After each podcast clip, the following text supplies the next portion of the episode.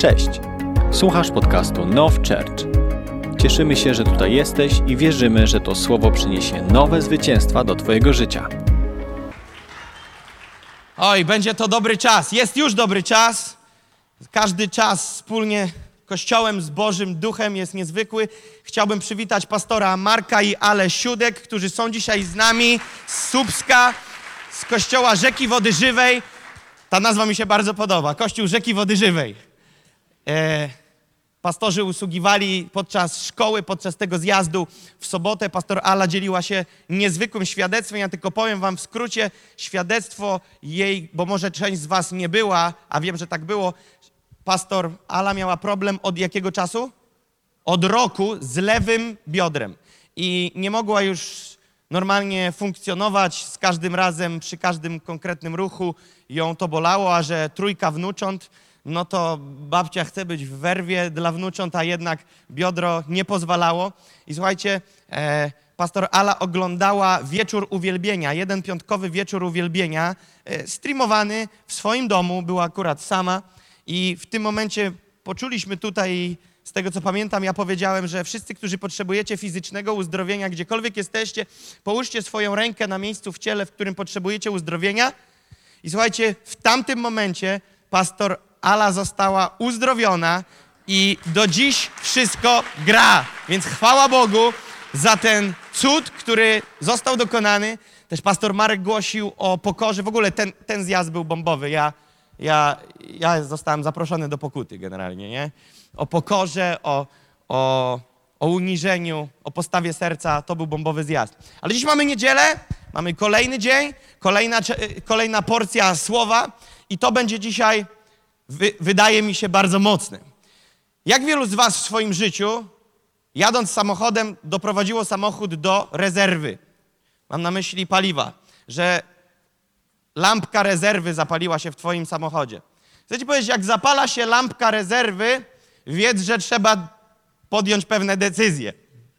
Pewne decyzje o znalezieniu stacji benzynowej, bo jeżeli jeszcze troszeczkę pojedziesz bez paliwa, to twój samochód odmówi posłuszeństwa. A teraz tak sobie przypominam i spontanicznie powiem tylko jedną historię, jak raz byłem nieposłuszny Duchowi Świętemu w kontekście paliwa i akurat miało to miejsce w Słupsku. Słuchajcie, jaka była sytuacja. E, Na początku moich podróży i tak dalej była naprawdę potężna lipa finansowa. Potężne problemy, zmagaliśmy się z ogromnymi wyzwaniami finansowymi, nawet w kontekście zatankowania samochodu, aby dojechać gdzieś i móc usłużyć w jakimś kościele. Generalnie przez pierwszy rok nie dostałem żadnej nigdzie ofiary, więc wszystko, gdzie jeździłem, to dokładałem wiecznie. I byłem w miejscu, w którym jechałem do Słupska, jedne z pierwszych podróży do Słupska, bo nasza relacja jest od 2017 roku, więc to już 4 lata. Jechałem do Słupska i i modliłem się w drodze o różne rzeczy i między innymi modliłem się, Panie, ja wiem, że Ty wiesz, ale ja Ci tak chciałbym tylko przypomnieć, że ja nie mam y, za dużo finansów, a tych finansów by się przydało i tak dalej, żeby móc pełnić służbę. I ja mam taką zasadę, że jak ja wyjeżdżam w długą trasę, to nawet jeżeli jest pół baku paliwa, to ja zanim wyjadę doleję, żeby ruszyć na pełnym. To, to takie nawyki nabrałem. Więc kiedy przyjeżdżałem do Słupska, było już, była już końcóweczka. Więc wjeżdżając do Słupska i zaczynając weekend, była stacja Orlen, więc postanowiłem sobie, a zajadę na ten Orlen, zatankuję, żeby po weekendzie, jak będę wracać do domu, już móc wrócić na pełnym i nie tankować więcej i sobie dojechać. I kiedy podjąłem tę decyzję, że chcę jechać na stację benzynową, czuję, że Duch Święty mi mówi, nie jedź na stację benzynową. Ale myślę, to jest w ogóle nielogiczne, bo przecież ja. To, to na pewno nie może być Duch Święty, bo przecież ja potrzebuję zalać paliwo po to, aby wrócić do domu, więc to czy się stanie dziś, czy jutro, ten moment musi nadejść. Ale nie połączyłem dwóch spraw, że modliłem się o finanse, a za chwilę wpadam na pomysł, żeby iść na stację benzynową i zatankować samochód, więc się nie posłuchałem Ducha Świętego i poszedłem na stację benzynową. I kiedy biorę, podjeżdżam pod dystrybutor, wkładam pistolet do baku, zaczynam lać, z każdym litrem wlanym rozrywa mnie w środku, że totalnie nie powinienem tego robić. Słuchajcie, to było tak silne, że ja w trakcie przerwałem. Rozumiecie? Przyjeżdżasz na stację, wkładasz, a jednak rezygnujesz. No to już w ogóle jest bezsens. Ale to było tak silne parcie od strony Ducha Świętego, żeby to zrobić, że było aż niewytłumaczalne, że ja musiałem zareagować, wyjąć ten pistolet. W połowie gdzieś mniej więcej baku wy, wyciągnąłem to, poszedłem zapłacić, mówię, to jest nienormalne, nielogiczne, głupie, ale idę za tym. Więc po weekendzie, po usłudze, pastor Marek przychodzi do mnie i mówi tak, Już wyjeżdżasz, ale zanim wyjedziesz, chcielibyśmy jako kościół zatankować ci samochód do pełna.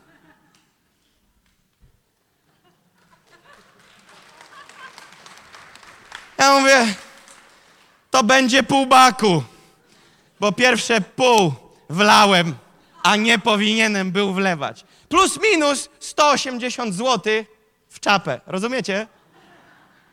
Więc czasami nie musisz rozumieć, o co cię Duch Święty prosi. Może być to totalnie nielogiczne i żaden wzór ci może nie pasować do tego obliczenia, ale jeżeli Duch Święty coś mówi, to warto się go posłuchać. To taka propos paliwa, ale wracam do tematu. Więc zobaczcie, w samochodzie jest bardzo widoczne, jest wskazówka poziomu paliwa i kiedy ona zjeżdża coraz to niżej i niżej, zapala się rezerwa i wiemy dokładnie, co się wydarzy, kiedy przeciągniemy to w czas. Samochód się zatrzyma. I teraz w naszym życiu jest totalnie tak samo. Tylko ja chcę mówić teraz w kontekście siły, ok? Bo dla, dla wielu ludzi brakuje siły do życia. Dla wielu ludzi brakuje, brakuje tego. Wiecie, i teraz, te, i kiedy ja robię, to wy wstawcie tam sobie wyraz, bo każdy z Was ma swój wyraz. I ja nie mówię o sytuacjach, że wiecznie w życiu brakuje ci sił, bo to dobrze wiemy, skąd płynie siła. Ale ja chcę mówić dzisiaj w kategoriach tego, że. A to będzie głębokie. Ja, ja potrzebuję, żebyście wy nie słuchali tego tak klasycznie, tylko tak nieklasycznie, z mega skupieniem, ok? Posłuchajcie, dzieło, do którego został powołany Kościół. Który Kościół? Ja nie mówię o zborze, mówię generalnie o Kościele. Dzieło, do którego został powołany Kościół, jest ponadnaturalne. Wszystkie wytyczne, które dostał Kościół, jest ponadnaturalne. Uczestniczymy w procesach ponadnaturalnych. Chociażby głosić Ewangelię. Co w tym ponadnaturalnego? Wszystko. Głosisz o dobrej nowinie, która zmienia rzeczywistość człowieka, życie człowieka i wyrywa człowieka ze śmierci do życia. No to jest ponadnaturalne. Jezus powiedział: idźcie na cały świat, uczni, uczniami czyńcie, chrzcijcie, uzdrawiajcie, demony wyganiajcie, zmarłych wskrzeszajcie. Wszystko jest ponadnaturalne. Teraz Kościół i spotkanie Kościoła pod warunkiem, że jest w oparciu o prawdy Boże, jest ponadnaturalne. Dlaczego? Bo kiedy się schodzimy, Duch Pana jest między nami. Jest ponadnaturalny. Więc te ABC Kościoła, ABC Kościoła jest ponadnaturalne. Ale teraz ja bym chciał podnieść poprzeczkę i poziom ponadnaturalny podzielić na stopnie. Możemy pójść dalej? Rozumiecie, podzieliliśmy na razie naturalne i ponadnaturalne. Przykład naturalnego i chcę pić, idę do sklepu i kupuję wodę. Poziom ponadnaturalny w kontekście wody i pragnienia Izraelici na pustyni. Chcemy pić, bum, woda ze skały. To jest poziom ponadnaturalny. Widzicie roz, różnicę pomiędzy poziomem naturalnym i ponadnaturalnym.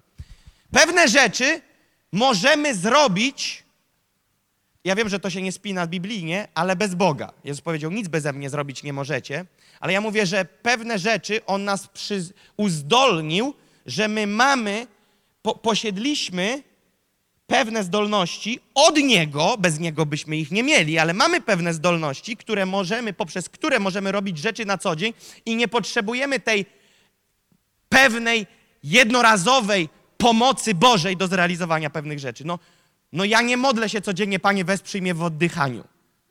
Rozumiecie? Bo On mnie uzdolnił do oddychania, ale bez Niego bym nie oddychał, bo On mi dał tą zdolność. Więc rozumiecie, o co chodzi? Tak, nie możemy nic bez Niego zrobić, ale pewne rzeczy nie wymagają Jego ingerencji. Jesteście ze mną? Jeżeli tego nie złapiemy, to się pogubicie za 5 minut totalnie. Więc do pewnych rzeczy ja nie muszę się modlić o Boże wsparcie. Kiedy ja siadam do obiadu, to nie siadam jak do modlitwy o kogoś chorego na raka. Rozumiecie? Ja, choć z pastorem Dawidem jest to dla nas wyjątkowy czas, kiedy jemy, w szczególności coś smacznego, ale wiecie, to nie wymaga wyzwania zjeść to.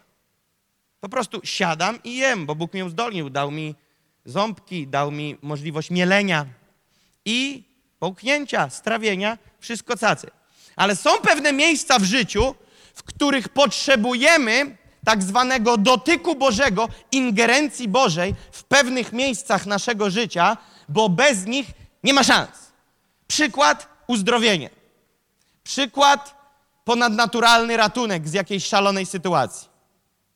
Więc w tym poziomie ponadnaturalnym, do którego jesteśmy powołani, są poziomy. W tym samym jednym poziomie ponadnaturalnym są różne wymiary. Różne. Więc ja chciałbym powiedzieć, że często nam się zacierają obrazy, który poziom jest który, i przez niezrozumienie tego, w jaki sposób mamy dostęp do poziomów ponadnaturalnych, często, nie rozumiejąc, jak to tam działa, kończymy poprzez niewiedzę i nieświadomość na własnych siłach. Kościół ma wiele w głowie, że Bóg jest alfa i omega, król królów, pan panów, wszechmocny, Jahwe. No, znamy wszystko, co trzeba, teorię. Ale przychodzi dzień, przychodzi sytuacja, która wymaga przesunięcia pewnych ciężarów, a my pchamy te ciężary sami. I teraz, do którego momentu jesteśmy w stanie je popchnąć? Do tego, którego starcza nam sił. Kiedy przestaje nam starczać sił, wtedy mówimy: To jest mój sufit i się zatrzymujemy. Teraz uważaj. W takim układzie sił, w takim układzie działania, ty nigdy nie osiągniesz pełni. Wiecie, ja ten stół, stoliczek, jestem w stanie zanieść na parking na dół. Bez niczyjej pomocy. Ale zestawu tych głośników i tych, i tych, i tych już sam na parking nie zaniosę. Gdybyś mi to załadował wszystko na raz, to byś zrobił placek. Nie byłoby Jacoba. Zniknąłby. I teraz wyznaczamy często sobie poziom, do którego możemy dojść poprzez podstawienie do wzoru swoich własnych sił. Zauważyłem, że potężna mniejszość, chcę powiedzieć, bardzo mały procent ludzi nowonarodzonych korzysta z wymiaru ponadnaturalnego. Nikt nie przeczy, że on jest. Nikt nie mówi, że go nie ma. Ale kiedy przychodzi do sytuacji, nawet nie reagują myśleniu, że mimo, że mój limit to 120 kilo, to te 400 poniosę, bo Pan jest moją siłą. Najczęściej pierwszą reakcję, którą mamy, nie no, mój maks to 120, dajesz mi 130, to o 10 za dużo, wyluzuj. W ten sposób, myśląc tymi kategoriami, to co ty jesteś sam w stanie ponieść, twoje życie nigdy nie ujrzy wymiarów ponadnaturalnych, jeżeli na tym myśleniu się zatrzymasz. Teraz ja cały czas kręcę się w kontekście i dzisiaj mówię o tym, że Pan jest moją siłą. Przeczytajmy sobie w Biblii, czy w ogóle coś jest na ten temat napisane. Księga Jeremiasza 16:9 jest napisane 16:19, przepraszam. Księga Jeremiasza 16:19. Panie, mocy moja i siło moja. Mamy to? Będziemy zaraz mieli. Jeremiasza 16:19. Panie, mocy moja i siło moja. Księga Izajasza 49:5 mówi nam: A mój Bóg będzie moją siłą. Trzecie miejsce w Biblii to Księga Psalmów 28:7, które mówi: Pan jest moją siłą i tarczą. W Izajasza 41:10 jest napisane: Nie bój się, bo ja jestem z tobą, nie lękaj się, bo ja jestem Bogiem twoim. Umocnię cię, wspomogę cię i podeprę cię prawicą swojej sprawiedliwości. Więc wyobraźcie sobie, że możesz ponieść 120 kg max i na plecach masz 90 i mówisz, halleluja, Bóg mnie uzdolnił, dam radę. Wtedy ktoś ci dokłada 20 i masz 110, mówisz, o, już jestem blisko krawędzi swojej wytrzymałości, ale Pan uczynił mnie silnym, jeszcze 10 mogę dołożyć. Wtedy wkładają ci dyszkę, ty masz 120 na plecach i wtedy widzisz kolejnego, który ci mówi, mam porcję 20. A ty mówisz, nie, nie, nie, przepraszam, ty chyba nie rozumiesz. Pan mnie stworzył do 120. I wtedy musisz zrozumieć, że jest granica. Posłuchaj tego. Jest granica, której nie jesteś w stanie przekroczyć własnymi siłami. Koniec, kropka. To jest twój limit. Masz simloka. Koniec. Tam dalej nie pójdziesz sam. I wtedy jest opcja sięgnąć po wymiar ponadnaturalny. Gdzie jest 41:10 Izajasza? Nie bój się, bo ja jestem z tobą, ale ty powiesz, Boże, ale ja już mam 120. A wtedy Bóg mówi, nie lękaj się, bo ja Bogiem twoim. A ty powiesz, super, ale ja już mam 120. I wtedy Bóg mówi, umocnię cię, wspomogę cię i podeprę cię prawicą swojej sprawiedliwości. Czy widzieliście kiedyś, jak ktoś kogoś podpiera? Gdzieś, gdzieś twój limit się znajduje, nagle ktoś wchodzi i bierze. Kiedyś niosłem łóżko z 16 piętra. Tak, Tymek? Gdzie jest Tymek? Nieśliśmy? Nieśliśmy łóżko z 16 piętra. Do windy nie wlazło, trzeba było znieść. I było nas trzech. I robiliśmy patent, że tam co kilka pięter rotacja. Jeden odpoczywa, dwóch niesie. I pewnego razu, bo byłem najsłabszy z nich fizycznie, idziemy, idziemy na którymś piętrze. Ja mówię, nie dam rady, pomóż mi. Już łóżko opadało, już, już nie dawałem rady. I wtedy wskoczył trzeci, podniósł, ciężar się wyrównał na trzech i mogliśmy to ponieść dalej.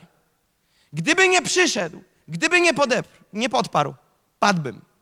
I teraz w Twoim i w moim życiu zawsze będziesz w miejscu, do którego dotrzesz, które nazywa się granica.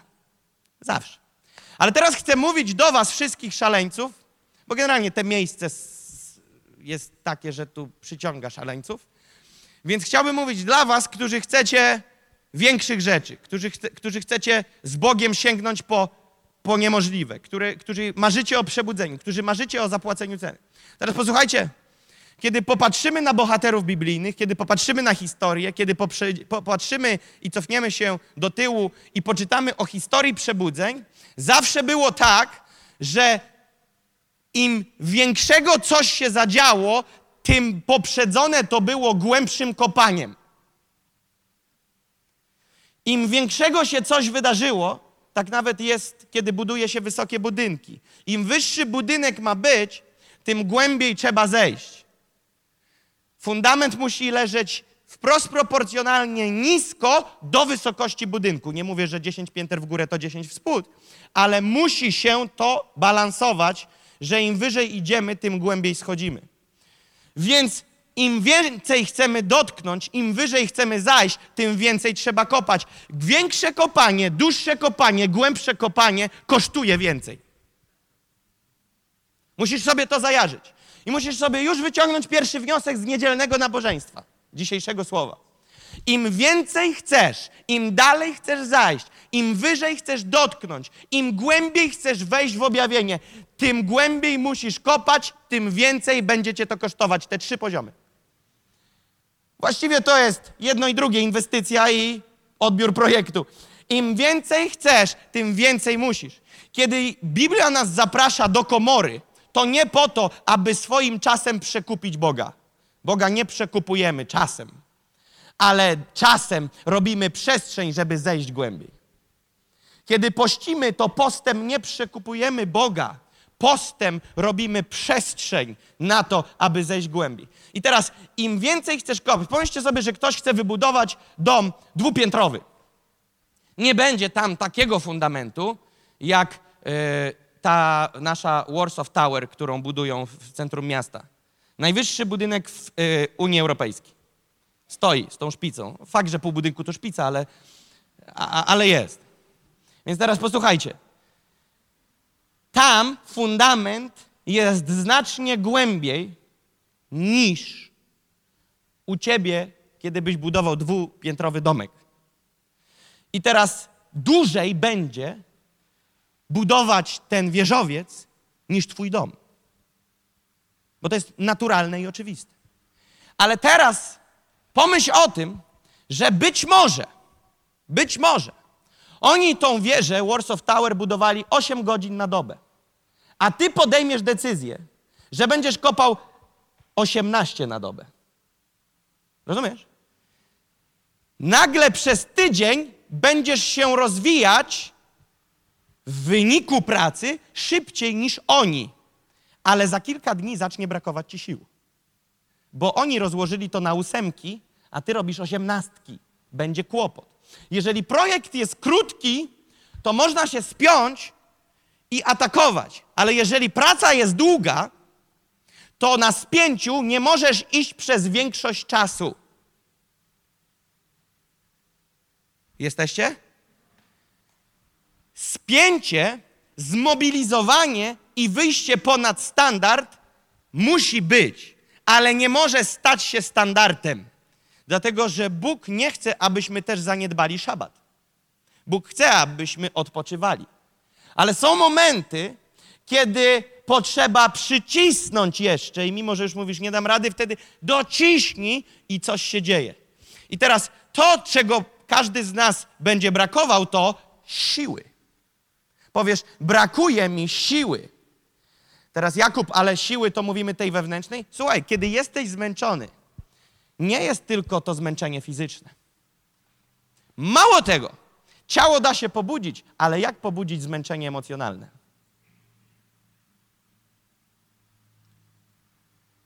Wielu ludzi w Warszawie nie są wcale tak wypaleni fizycznie, jak emocjonalnie, pracując w różnych ciężkich poziomach strukturalnych wysoko, z odpowiedzialnym stanowiskiem. On siedzi na kołku 8 godzin dziennie, donoszą mu herbatki, donoszą mu kawusie, ma samochód w garażu podziemnym, jego dystans to tyle, co z toalety do biurka, więc fizycznie zmęczony nie, ale patrzysz, jak on wychodzi z biura, zmęczony. I żona może powiedzieć, po czym ty jesteś zmęczony? Siedzisz na tyłku 8 godzin dziennie. Nie, no chyba nie rozumiesz, co on tam robi. On się wypala od środka fizycznie. Zmęczenie nie jest tylko fizyczne. Zmęczenie może być emocjonalne. Zmęczenie może być w Twoim umyśle. Zmęczona może być Twoja dusza. Więc kiedy mówimy w kontekście siły, nie mówimy tylko i wyłącznie o fizycznym, ale także o fizycznym. Więc teraz, kiedy przeczytaliśmy kilka wersetów, że Pan jest moją siłą, to musicie rozumieć i w domu możecie to sprawdzić. Cytowaliśmy z Izajasza, z Jeremiasza i z Psalmów. Nikt z nich pierwszorzędnie nie mówił o zmęczeniu fizycznym. Ale także. Bo uwierz mi, to, co się dzieje w Twojej duszy, to, co się dzieje w Twoim umyśle, zaczyna mieć też e, ekspresję przez wymiar fizyczny. Ale kiedy czytamy Izajasza, kiedy czytamy Jeremiasza, oni są zmęczeni sytuacją, która jest. Oni są zmęczeni sytuacją, która ma miejsce. Oni są zmęczeni sytuacją twardych karków. Oni są zmęczeni tym, że wypadli z torów, w których byli. Stali się w miejscu dobicia, a nie w miejscu wpływu. Ciemięży nad nimi ręka wroga. Jest sytuacja nie taka, jaka być powinna, i mówią: Jesteśmy zmęczeni tą sytuacją. Jesteśmy zmęczeni tym obrotem sprawy i możesz leżeć na plecach na brzuszku 24 na dobę, ale jesteś zmęczony tym wszystkim. I chcesz w końcu jakoś nabrać w tym wszystkim sił, odbudować się, wejść jeszcze raz ze świeżym powiewem. I tak Bóg jest moją siłą. Ale teraz, jak wiecie, ja najbardziej jestem zainteresowany takim przesłaniem, które zrozumiecie, a nie sloganami, bo nikt z Was Ameryki nie odkrył po tych trzech wersetach. Każdy z nas wie, że Pan jest moją siłą. Tylko jak to jest, że chodzimy zmęczeni? Ja nie mówię jednorazowo, bo można być wyprutym, rozumiecie? Coś robisz, pracujesz, ciężko przychodzisz zmęczony.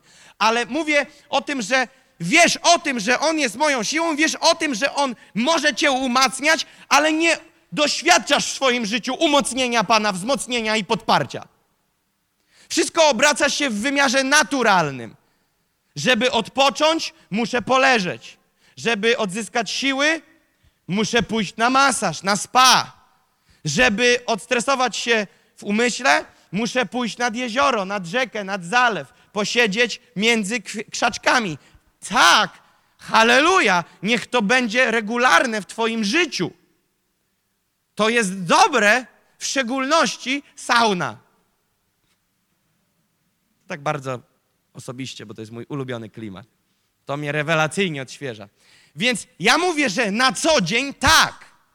Ale gdzie są miejsca w Twoim życiu, kiedy masz 120, a Ty nie mówisz teraz, zdejmę ciężary, aby odpocząć, ale pójdę dalej, dołóż mi 30, Pan jest moją, moim wsparciem. Ja mówię o tym poziomie.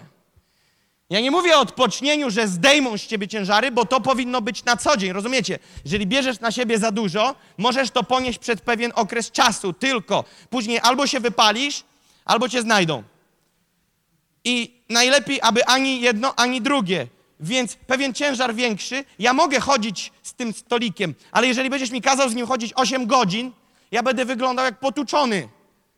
Cały, na oczach, pod oczami, na czole, będę wyglądał, jakbym niósł jakieś ciężary i w końcu muszę to odłożyć. I, I planem Bożym dla mnie i dla ciebie nie jest, aby chodzić ze stolikiem całe życie, ale w tym układzie jest, że niekiedy są zadania specjalne, do których Pan mówi, posyłam Cię do tego zadania, powołuję Cię do tego zadania i wesprę Cię moją prawicą sprawiedliwości, umocnię Cię, podniosę Cię w tym, pomogę Ci w tym zadaniu.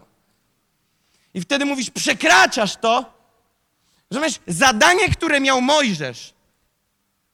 Teraz was zdziwię, który moment wyciągnę. Nie Morza Czerwonego.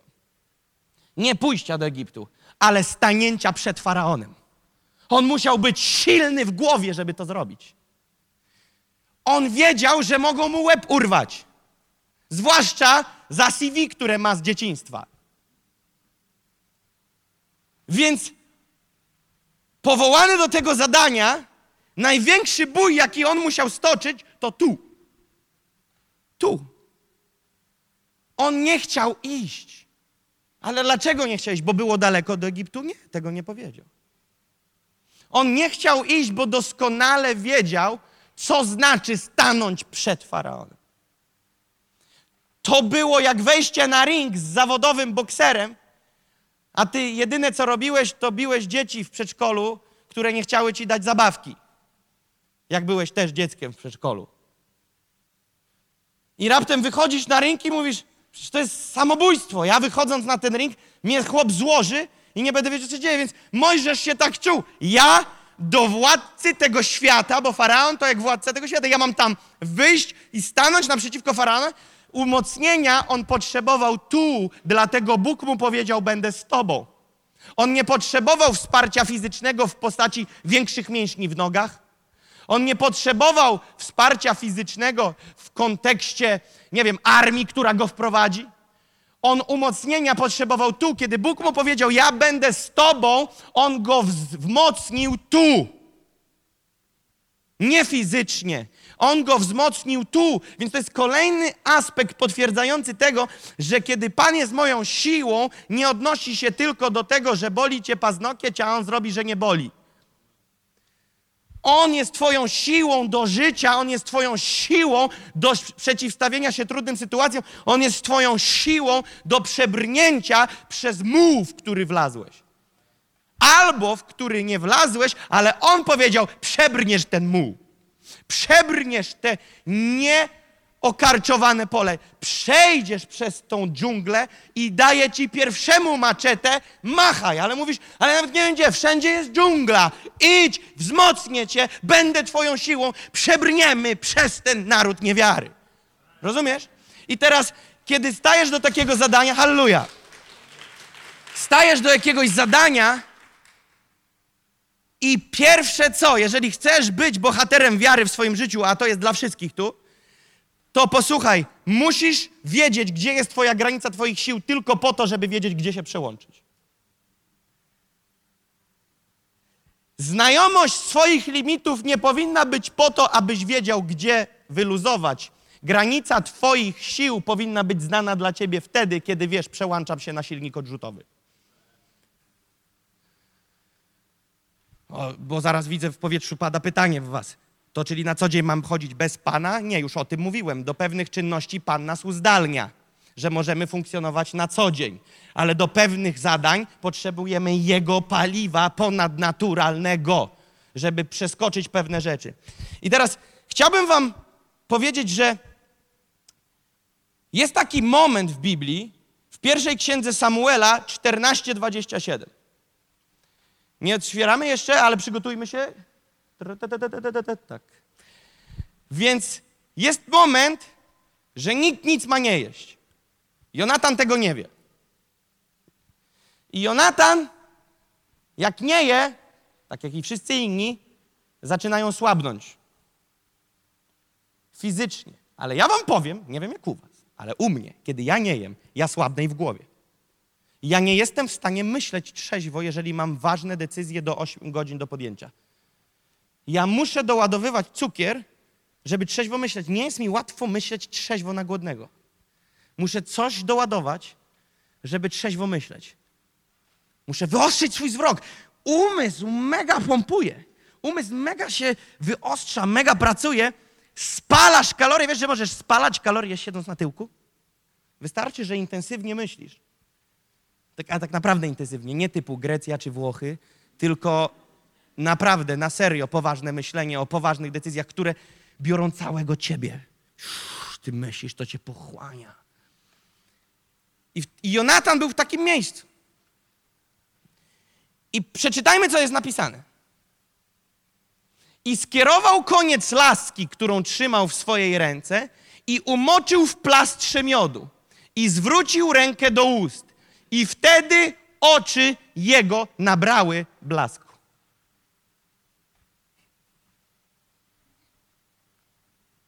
Kto zna pszczelarza, który ma taki miodzik, że jak namoczysz tylko kawałeczek, łyżeczki, skierujesz do ust po jednym gryzku, błyszczą ci oczy. Chcę ci powiedzieć, mamy tutaj historię ponadnaturalną, dodatkowo z proroczym obrazem Ducha Świętego. Jeżeli nie wiecie, to postudiujcie w domu, nie ma na to czasu. Miód w Starym Testamencie był często symbolem namaszczenia Ducha Świętego. Jak nie, jak nie wierzycie, to poszukajcie. Miód symbolizuje jak i olej, jak i jeszcze kilka innych rzeczy, namaszczenie Ducha Świętego. I teraz Jonatan bierze kawałek kija, dotyka miodu, wkłada go do ust, a jego oczy błyszczą. Ale za co są odpowiedzialne oczy w Twoim i moim życiu? Oj, powiem tak. Serce mi się kraja, jak widzę niewidomych. Jest naprawdę ciężko żyć. Praktycznie jesteś turbo ograniczony. Ekstremalnie ograniczony. Pójdziesz do kina? No i co ty obejrzysz? Powiesz do żony, jaka piękna jesteś? Rozumiecie?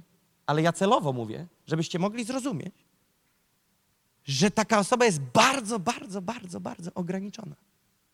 Więc teraz dlaczego rozbłysły jego oczy, a na przykład nie urosły mu uszy? Rozumiecie? Dlaczego, dlaczego reakcja była na jego oczy? Bo oczy są odpowiedzialne za to, co widzisz, a to często, co widzisz, wpływa na to, jakie decyzje podejmujesz. Nietrzeźwe patrzenie sprawi, że będziesz w nietrzeźwy sposób podejmował decyzje. Nietrzeźwy zawsze błędny. Więc kiedy, kiedy Twoje oczy widzą we właściwy sposób, Ty widzisz właściwą perspektywę, Ty widzisz w prawdzie i Ty widzisz właściwy układ sił. Przykład dwunastu zwiadowców poszło zbadać ziemię obiecaną. Pastor Marek o tym nauczał. Dwunastu widzi to samo, ale dziesięciu nie ma soczewek. Dwóch z nich widzi Bożymi oczami, dziesięciu z nich nie widzi Bożymi oczami. Widzieli to samo, ale dziesięciu ma inny obraz niż tych dwóch. Dziesięciu mówi, nie, nie, nie damy rady. Olbrzymy, warowne miasta, chłopie, olbrzymy są, nie ma szans, zawijamy się stąd. A Jozue i Kaleb mówi, no tak, są olbrzymy, jest warowne miasto, jest ekipa, ale damy rady, bo Pan jest z nami. Jak to jest, że widzisz to samo, ale dziesięciu ma inny wniosek od tych dwóch? Bo widzieli innymi oczami. Widzieli to samo, ale widzieli to innymi oczami. Perspektywa, wzrok i ocena sytuacji jest kluczowa do następstw, które nadejdą. Więc jeżeli Twój wzrok nie widzi trzeźwo, będziesz podejmował niewłaściwe decyzje, a już zapomnij o wysokich szczeblach, na które będziesz mógł wejść. Zepsuty wzrok ci nie pozwoli. I ja tu mówię o duchowym wzroku. Ja mówię tu o duchowej percepcji, duchowym zmyśle. Teraz, jeżeli miód symbolizuje namaszczeniem, symbolizuje Ducha Świętego, to znaczy, że Duch Święty jest tym, który pomaga mi widzieć trzeźwo. Ale teraz zobacz, żeby ocenić trzeźwo, kiedy dojeżdżasz do 120, tu umiesz ocenić trzeźwo, ale Boże oczy powiedzą ci, nie patrz już w tył, patrz do przodu, jest kolejny punkt, a ty powiesz, ale jak ja mam tam dojść? A Bóg mówi wtedy o tym, co w górze, nie o tym, co na dole. Skąd nadejdzie mi pomoc? Pan jest moją siłą. Wtedy wzbijasz swój wzrok. Do czego zachęcał Paweł? Nie patrzcie na to, co na dole, patrzcie na to, co w górze. Myślcie o tym, co w górze. Cały czas ważne było, na co patrzył. Piotr patrzył na Jezusa i szedł po tej wodzie. Spojrzał na falę, Biblia mówi, kiedy ujrzał falę. Pach. Więc właściwy wzrok, uwierz mi, właściwa perspektywa, to nie jest oddzielny temat, ja na chwilę nie skręciłem, jest bardzo mocno powiązany ze stanem Twojej siły. Więc teraz, kiedy przychodzisz do miejsca wyczerpania, jesteś zmęczony emocjonalnie, jesteś zmęczony fizycznie, twój wzrok jest zmęczony, twoje postrzeganie sytuacji jest nietrzeźwe? I wtedy, moi drodzy, podejmujesz zawsze decyzje owiane strachem. I masz postawę wycofania. Chyba, że jesteś głupcem, to idziesz na oślep i zawsze zaryjesz. Ale większość ludzi zrezygnuje. Więc aby przejść do przodu, aby napierać, aby przebijać się przez dżunglę religii w tym kraju, potrzebujemy siły Pana. Bo są tu warowne miasta wroga w rzeczywistości duchowej. Są tutaj duchowi olbrzymi, są tutaj zwierzchności nad tym krajem. Są zwierzchności w Twoim życiu. Są zwierzchności w Twojej pracy. Abyś mógł przejść do przodu, musisz być podłączony do siły Pana. I tak jak powiedziałem, granice swojej wytrzymałości znaj po to, aby wiedzieć, gdzie czas na cud. A nie tam, gdzie wyluzować. I teraz, kiedy samochód jedzie, i kończy się paliwo, to doładowanie tych sił następuje przez stację benzynową. i wiemy, jak to działa. Nie wystarczy podjechać, ani wiedzieć, że jest stacja. Trzeba jakoś się tam znaleźć, pistolet w środku i wtedy jest przepływ, tak? Więc teraz, jeżeli wiemy, że tym samochodem to ty i ja, a stacją benzynową to Bóg, to moje pytanie, jak dochodzi do przepływu? Jak dochodzi do przepływu, że to przepływa? Wiecie, czasami mam obraz, że my jesteśmy jako Kościół, jako ciało Chrystusa, jako ty i ja, bracia i siostry, że jesteśmy takimi myśliwcami. Nie jesteśmy wielkimi bombowcami, jesteśmy myśliwcami. Do zadań specjalnych. Myśliwiec jest szybki, zwrotny, może cisnąć dwa machy. Dwa machy. Wiesz, jaka to jest prędkość? My znamy kilometry na godzinę, oni mówią w machach. Tam dwa razy drążkiem źle kiwniesz i jesteś trzy kraje dalej. W szczególności, jak jesteś nad krajami skandynawskimi. O, miałeś Finlandię, jesteśmy w Estonii. Bo tam promem 25 minut. Więc rozumiecie? Dwa machy. Oni latają po 2000 parę do 3000 kilometrów na godzinę. Rozumiecie, jaka to jest prędkość? Jeżeli Polska z góry na dół ma 700 kilometrów, to teraz policz sobie, jeżeli się mówi 100 kilometrów na godzinę, to teraz w głowie szybko przelicz, oni w kilka minut cisną z północy na południe Polski. Takiego kogoś widzę jako dziecko Boże. Szybki, sprawny, nie do dogonienia, uzbrojony w armaty, uzbrojony w działa, drążek Ducha Świętego, za którym podążasz, masz podłączenie do nadawania, masz specjalny tlen, który nie jest z kabiny, a jest z zewnątrz, bo, przepraszam, właśnie nie jest z kabiny, bo by cię rozerwało, masz dostęp do specjalnego tlenu, jesteś na innych zasadach, jesteś na innych warunkach. Jesteś w stanie wykonać zadanie, którego nikt inny nie jest w stanie wykonać. W naszym kraju dzisiaj potrzeba myśliwców duchowych, które wykonają robotę, którą trzeba wykonać, bo trzeba tutaj misji specjalnej, żeby przebić koc religii. I teraz pokażemy grafikę jedną. Chciałbym wam coś pokazać, co znalazłem i przygotowałem. To jest obraz, w którym na tym myśliwcu, tym myśliwcem to jesteś ty i ja. Wiecie, co ma miejsce w tej chwili na tej grafice? Tankowanie. Myśliwiec przy swoim spalaniu i przy swojej dynamice latania nie jest w stanie latać nie wiadomo ile. To jest do zadań specjalnych, tak jak w piłce nożnej jest podział na dwóch, dwa typy zawodników, nie gaśmy grafiki. Beztlenowcy i tlenowcy. Beztlenowcy to sprinterzy. Tlenowcy to którzy biegają jednym tempem cały mecz. I oni robią taką standardową robotę. A są zawodnicy, którzy są tak zwanymi beztlenowcami. Kiedy jesteś tlenowcem, oddychasz, ustawiasz rytm.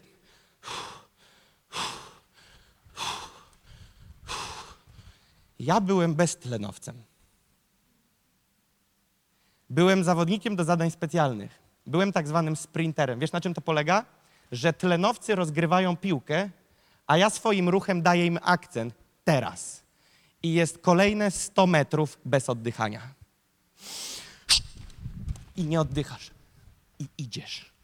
I wtedy jest tak zwany cios w szeregi obrony. Piłka prostopadła, beztelenowiec wchodzi z pleców i jest egzekucja. I teraz czegoś takiego potrzeba w kościele. Potrzebujemy przeczytać Biblię, w której jest napisane: Jesteś moim młotem, którym miażdżę narody. Jest taki werset. Jesteś moim młotem, którym miażdżę narody. I my musimy zrozumieć, że każdy w kościele ma jakąś rolę do odegrania, ale dodatkowo poszczególne zbory mają konkretną robotę do odegrania. Dzisiaj rozmawiamy w Nations on Fire, Now Church, i ja wierzę, że ten kościół jest powołany do bycia młotkiem. Przepraszam, młotem. Nie młotkiem, młotem. I teraz jeżeli my chcemy być młotem do miażdżenia warowni, do miażdżenia systemu religii, do miażdżenia nie obgadywaniem, ale duchowo przebijania muru, my musimy zrobić sobie rozeznanie, czy ty jesteś tym samolotem na górze, czy ty jesteś tym samolotem na dole. którzy może długo lecieć, ale wiecznie trzymasz ten sam poziom, jesteś w poziomie tego, co naturalne, widoczne, czy jesteś rakietą, która lata. I teraz ja nie mówię, że jeden lub drugi jest gorszy lub lepszy, bo każdy z nas ma daną funkcję do zrobienia w królestwie. Ale w kościele jest tak, że się mówi o całym wachlarzu i dla tych, i dla tych, tak aby każdy mógł się odnaleźć. Więc dzisiaj trochę rozmawiamy pod kątem tego na dole. I ten na dole jest tankowany i później może lecieć dalej.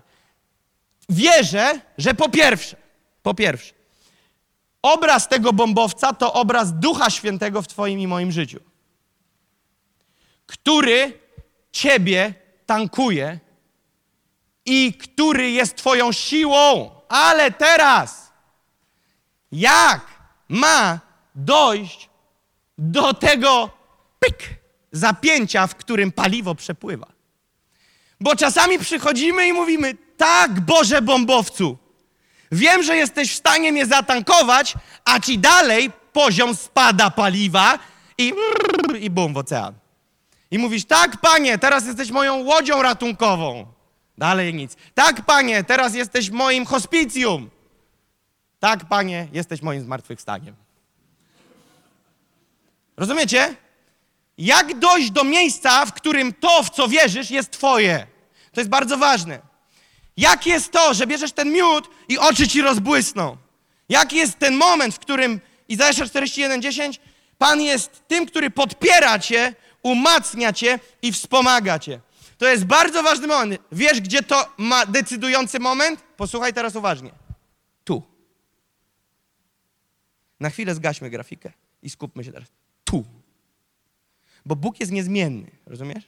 On chce cię wspierać cały czas. On chce cię umacniać cały czas. A ty tego potrzebujesz. Więc co musi się dokonać, żeby poszedł przepływ? Największa batalia jest tu. Przychodzisz do niemożliwego i pierwsze co? Dostajesz pocisk wroga. Wycofaj się. Puf. Ognisty pocisk złego. Nie dasz rady. Strach. Ludzie, wsparcie. Oj, bracie, chyba sobie nie poradzisz. Oj, chyba wiesz co, miałem sen, wycofaj się. O, wiesz co, nie idź Jezu na krzyż, zostań z nami, precz szatanie. Rozumiecie? Masz tak zwane wsparcie nie tak jak trzeba. I twój umysł jest bombardowany. I ty mówisz sobie, niewiara rośnie, rośnie ciągle w nas. Jest taka piosenka, wiara rośnie, a tu możesz śpiewać, niewiara wzrasta, wzrasta ciągle w nas. I ty musisz zrozumieć, że ognisty pocisk złego musisz zgasić. Tarczą czego? Oj, oj, oj, oj, jak to się pięknie zazębia wiary. Pocisk złego, który idzie, gasisz tarczą wiary. Czyli wierzysz. A czym jest wiara? Przeświadczeniem, przekonaniem tego, czego nie widzimy, ale czego się spodziewamy.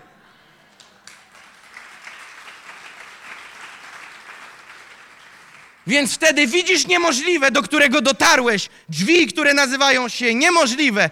Przez nie przejdziesz poprzez uaktywnienie wiary, którą gasisz ten pocisk niewiary, ale później podejmujesz decyzję. I teraz uwaga, decyzja jest kluczowa. Wiesz dlaczego? Bo Biblia mówi w Rzymian 8:28, zaraz otworzymy, jest napisane, że Bóg współdziała z nami.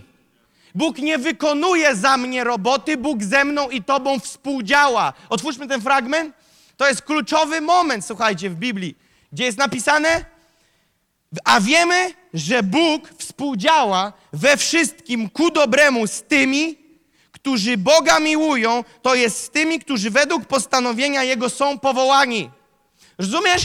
Jest powołanie, jest droga, nie jesteś w stanie tam sam zabrnąć ale Bóg z tobą współdziała, ale czym jest to współdziałanie? Ty inicjujesz, a on cię wspiera. Ten mały samolocik wysyła sygnał do dużego, potrzebuje. I robi krok, podlatuje pod tego bombowca.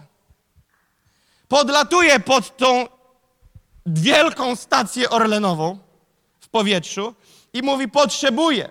otwiera się na nią, a tam pistolet wjeżdża do środka i jest tankowanie. Tak to właśnie działa. I teraz, kiedy przychodzisz do niemożliwego, kiedy jest sytuacja niemożliwa w Twoim życiu, Ty do niej dojeżdżasz. I jeżeli wiesz, że Bożym zamysłem i wolą nieba jest, abyś przeszedł, to musisz zrozumieć, że nie możesz sprawdzić pomiaru wytrzymałości Twojej głowy, rozbiec się i walić w mur, bo to tak nie działa, to jest głupota. Musisz zrozumieć, że potrzebujesz ingerencji Boga. W Jerycho, w murach Jerycha były mieszkania. Tych murów nie dało się rozwalić mieczykiem. A Bóg mówi: Wydałem wam te miasto. Jest wasze.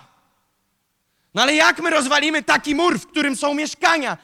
Pastor wczoraj powiedział na szkole, że komentarze biblijne, biblistów, ludzi, którzy studiują, jest, e, historyków, jest taki, że dwa powozy konne mogły jechać i się minąć na tym murze. Rozumiecie, to było, to nie był murek, to była forteca. I Bóg mówi, wydałem. I teraz Izraelita mógłby przyjść i powiedzieć, a nie, nie damy rady.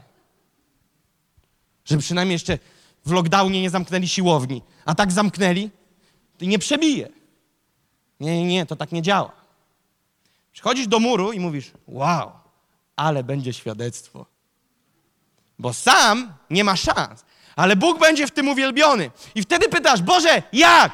I Bóg na bazie Jerycha powiedział im, robicie sześć dni po kółku raz dziennie. Na siódmego dnia robicie siedem okrążeń. Na siódmym wydajecie głośny okrzyk, a mój pocisk z nieba ładuje te Jerycho na strzępy. O, czad. Widzicie? Doszli do muru, ale nie przeszli muru. Do muru Bóg ich powiedział, podejście, ale przez mur ja zrobię wam drogę. Mieli przyjść pod Jordan, dotknąć Jordanu, a Jordan się otworzył. Bóg toruje drogę. I teraz uwaga, to jest ten kluczowy moment. Jesteście ze mną pod murem, wyobraź sobie, że macasz mur Jerycha. Dotykasz tego muru i mówisz, teraz w swojej głowie sprawdźcie, spróbujcie to przesunąć.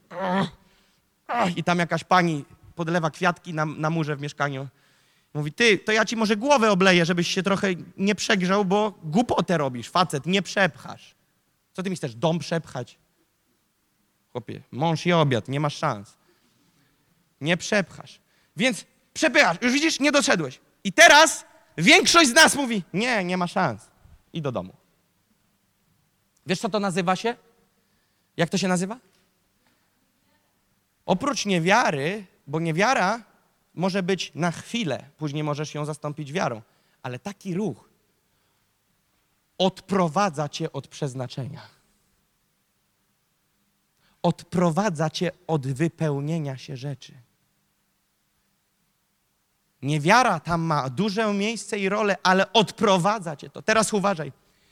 Im większe powołanie, im większe marzenia, które idą w parze z powołaniem, im większe zobowiązanie przed niebem, im większy plan nieba dla Twojego życia, tym częściej spotkasz się z murem.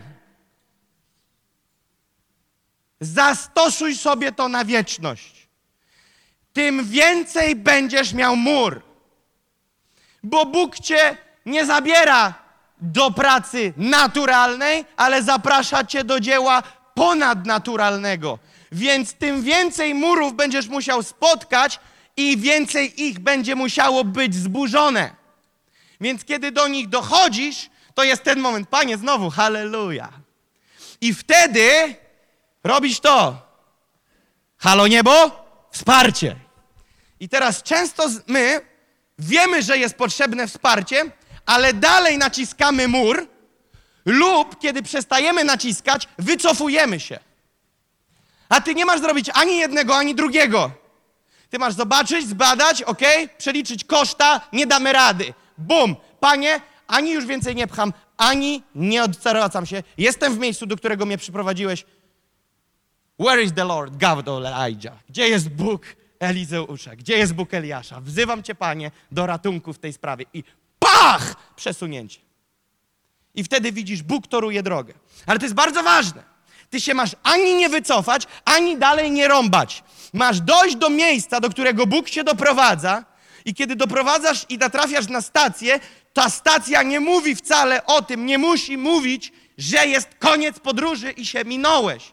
Teraz wielu wierzących, kiedy dochodzi do muru, mówi: O, chyba zbłądziłem, chyba to nie było Boże prowadzenie. Eee!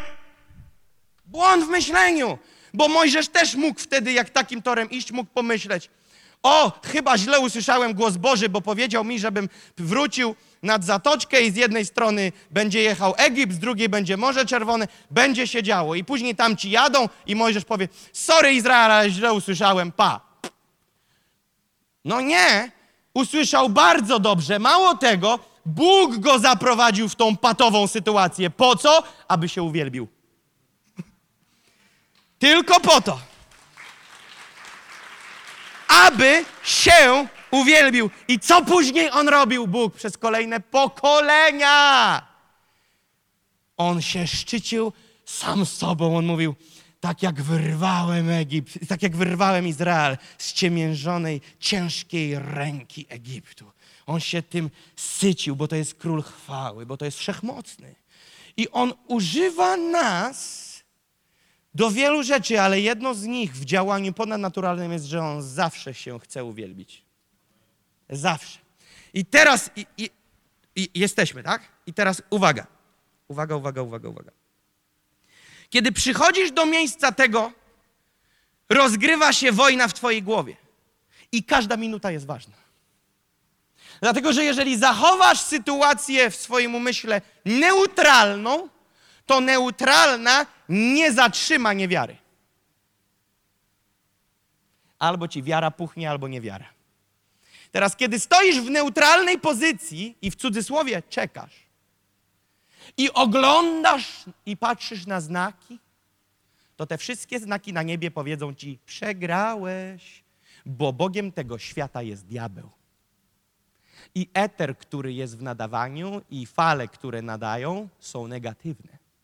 Jedyne, co musisz zachować, to wyostrzony, zdrowy wzrok poprzez relację z Duchem Świętym. Możesz czekać, ale musisz czekać w schronieniu cieniu Pana. Oczekiwanie ma miejsce w życiu wierzącego nie raz, nie dwa i nie pięć. To jest standardowe miejsce w życiu wierzącego, ale nie oczekiwanie neutralne. Oczekiwanie ma sens tylko, jeżeli jesteś w cieniu wszechmocnego. Jeżeli nie jesteś schowany w cieniu wszechmocnego, czas bije na Twoją niekorzyść, bo niewiara Cię pożre. Więc stoisz przed murem i mówisz: Panie, przełączam się. Teraz Twoja siła. I chcę Wam podać trzy przykłady i będziemy się modlić.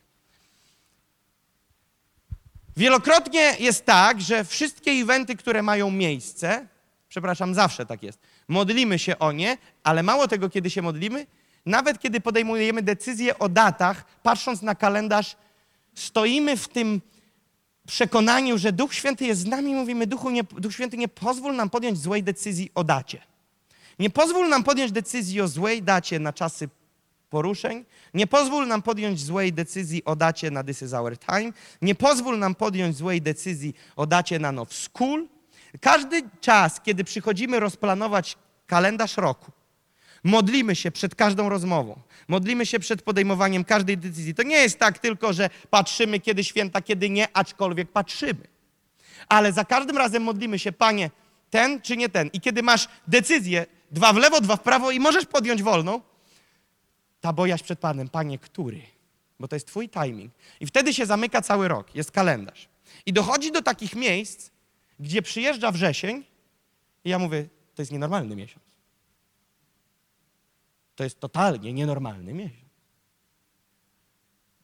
Ktoś z was, kto jest w Nations on Fire i ociera się o wolontariat, wie o czym mówię. Goście nie wiedzą, o czym mówię. My się czujemy na, jak, na jakimś obozie przez ostatnie tygodnie. Plus this is our time w procesie. I my myślimy sobie, i pierwsze co, może nawet nie powiem, że się pojawia, ale sam wyciągam tą myśl i sam ją sprawdzam. A może ja źle podjąłem decyzję? A może źle usłyszeliśmy? A może ten kalendarz został źle rozplanowany? Dlaczego taka myśl wyciąga czasami? Bo przychodzą momenty, w których. Mogę być z wami szczery? Okej. Okay. W sobotę na Now School I w piątek poczuliśmy, ja poczułem, że powinien głosić pastor Wojtek w piątek wieczorem. Dwie sesje rozmawiałem z pastorem Markiem wziął i na wieczór miała głosić Euni. Tak było. Ja miałem głosić w niedzielę. Taki był plan, tak się dzieje. I teraz posłuchajcie, co się dzieje. Nie obliczyliśmy pewnych dodatkowych sytuacji. W nocy z piątku na sobotę mój Dawidek się zatruł. Albo coś. Liczyłem. Zwymiotował 10 razy. Moja żona zajmowała się przez całą noc córką, Abi. Ja całą noc prałem, zmieniałem pościele, wymieniałem piżamy, wrzucałem ciuchy z pralki do suszarki. Noc na zero. Noc na zero. Po prostu rzeźnia. I miałem pełne prawo, aby wysłać SMS-a w sobotę. Muszę pomóc w rodzinie, muszę się zająć, muszę odpocząć, mam w niedzielę kazanie, muszę się przygotować, muszę spędzić czas z Panem. Dla mnie, dla Samsona obcięli włosy, stracił siłę. Dla mnie zabierz trzy noce i mnie nie ma. Tak moje ciało działa. I teraz ja sobie myślę, to jest jakaś awaria. W sobotę tu przyszedłem, powiedziałem sobie, a nawet w życiu nie dam przestrzeni w mojej głowie, żeby pomyśleć, że pójdę i pośpię. To jest now school, Bóg zaplanował ten czas, ja tu jestem, ja tu muszę być, ja tu chcę być, ja mam przywilej tu być, ja tu siedzę i się uczę, bo nie głoszę, się uczę. Mógłbym powiedzieć, ale ja sobie to odsłucham. Nie, nie odsłucham, bo impact pierwszy jest zawsze w momencie uwalniania słowa. Więc siedzę i tego słucham. I powiedziałem sobie, kiedy ja się przygotuję do tego słowa. Zresztą, jakiego słowa? Rozumiesz, jeszcze nie wiesz jakie.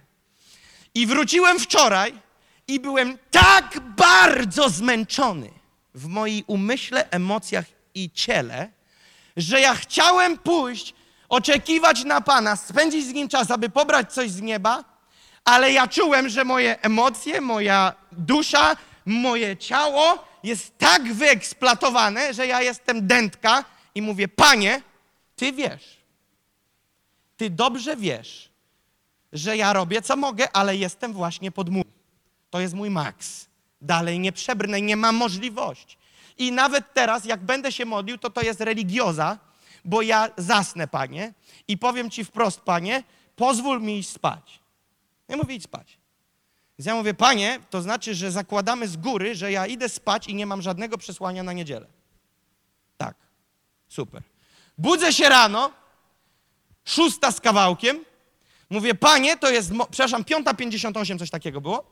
Mówię, panie, więc teraz jest 5 godzin do spotkania, więc ja wsiadam w samochód i jadę przygotowywać. Albo pozwolisz mi pospać.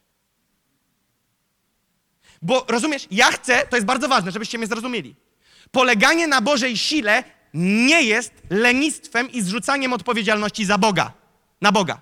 Żebyśmy zrozumieli. My mamy zrobić, co do nas należy, on robi resztę, ale my mamy zrobić nasze 100%. Więc ja mówię, panie, wydaje mi się, że stówę przebiłem w tym przypadku. Czy dalej mam jechać, wyeksploatować swoje ciało totalnie i zaorać się, czy mogę pospać? Śpi! Więc poszedłem spać. Jestem z wami dzisiaj bardzo szczery. Nigdy tak się nie dzieje, jak w tą niedzielę. Budzę się dziewiąta. Dziewiąta rano. Mówię, mam do wyboru stresówka, nerwówka, obwinianie się, rozkminy albo panie, jak jest? Panie, mówię, ty wiesz. Powiedz mi, czy ja dobrze wiem i czy mi się wydaje, że ja dobrze wiem, co ty wiesz. I czuję taki pokój Ducha Świętego. Więc mówię, idę pod prysznic i się zrelaksuję. Wchodzę pod prysznic, dziewiąta z hakiem. Biorę prysznic, myju, myju, jest czadowo. Mówię, panie, ty wiesz. I powiedziałem tak, ustanowiłeś mnie głównym liderem tego kościoła. Chwała ci za to. Nigdy nie chcę być śmierdzącym leniem i nie wykonać swojej roboty i robić tego, co do mnie należy. Ty wiesz, jak ja się do tego przykładam. Każdy z nas, myślę, wie, w jaki stopniu się kto z was do czego przykłada. Masz swoją miarę do swojego postępowania. Więc ja przed panem, przed tatą, nie ma owijania bawełny, mówię, tato, Mam nadzieję, że to nie pycha. Szczerze ci powiem, no robię na maksa. Nie da się więcej, bo się zabije po prostu fizycznie. Nie jest twoją wolą, żeby nie przeżyć chyba, więc robię chyba 100% i tak czasami przeginam. Proszę cię, powiedz mi, że wszystko jest ok, a Bóg mówi, wszystko jest ok. Więc ja sobie tu przyjeżdżam na global i czuję, że wszystko jest ok. Ja mówię, panie, To jest Twój kościół, a słowo idzie od Twego ducha. Ja nie miałem kiedy dać przestrzeni, żeby to odebrać, więc ja nie wiem, co się dzieje. I sobie, kiedy uwielbienie się zaczęło, Pan mi powiedział o tym przesłaniu.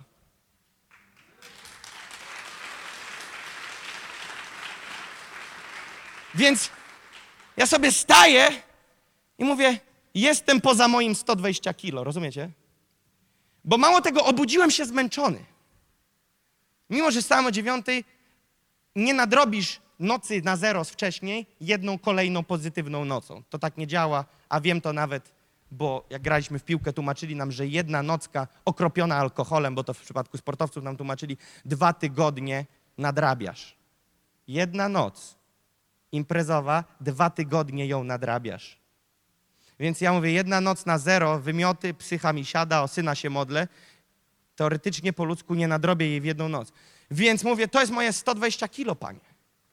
Doszedłem do mojej granicy, doszedłem do mojego muru, doszedłem do mojego maksa. I teraz rozumiecie, mógłbym, mógłbym, gdyby to była wola Boża, przepraszam, nie właśnie, inaczej, gdybym mógł pomyśleć, nie, to ja teraz nie pójdę spać, trzecia nad ranem. Wstanę! Co ja robię? I tak i nie, to zależy od rozróżnienia, ale posłuchajcie, zaczynam walić swoimi siłami. Ja robię już ponad swoje siły, ale dalej próbuję wziąć kolejne 10 kilo na plecy. 120 już leży, a ja dołożę dziesiątkę. Tej dziesiątki na własne plecy wziąć nie mogę bez wsparcia Pana, bo się uwalę. Więc gdybym wstał o trzeciej, powiedziałbym, tak, Panie, bym sobie, kurczę, wiecie, no, bił głową w ścianę, żeby się obudzić, adrenalinę pobudzić, wiecie, tak, mów do mnie, to jakiś anioł by przyleciał powiedział, ty się zwariował, facet? Co z tobą jest źle? Gdzie jest odpocznienie, chłopie? Gdzie, gdzie jest wyluzowanie? Gdzie jest zaufanie Panu? Ogarnij się. Ja mówię sobie, chcę się ogarnąć. A mówię, ale ogarnąć się w tym przypadku to znaczy też zaufać Panu, że kiedy tu stanę, On da słowo.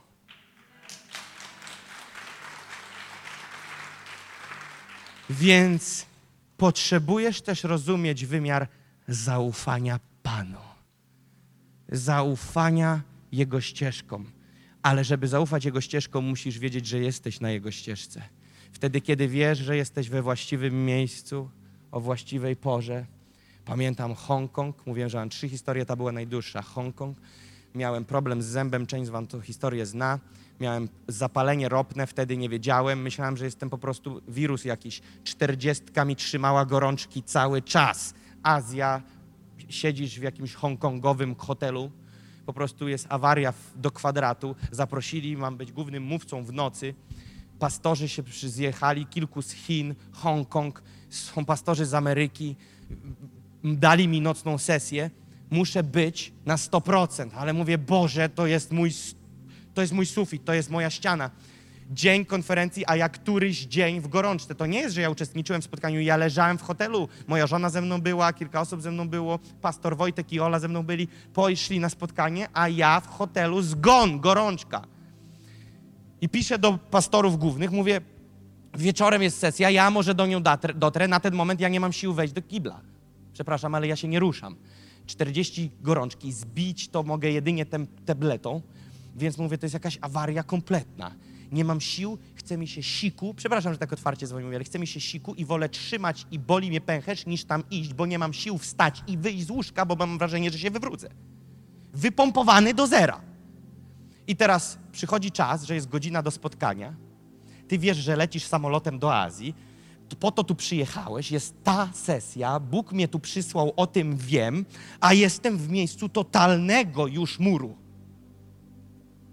I wtedy mówię, panie, o, przełączamy się. To jest ten moment, bo jest już za późno, już nie, fizycznie nie wrócę sam. To nie ma już możliwości. Wzmocnij. I wtedy ożywcze tchnienie przyszło. Nagle temperatura zeszła, pot odpuścił, wstałem. Spojrzałem w lustro, mówię, trzeba się umyć, bo śmierdzę. Poszedłem się, wymyłem, letni, letnio-zimny prysznic, Patrzę w lustro, oczy podkrążone, no bo nic dziwnego po czterech dniach, ale jestem. Wróciłem. Pan jest moją siłą, przeprawi mnie przez ten wyścig. Wychodzę z hotelu. Przesłanie.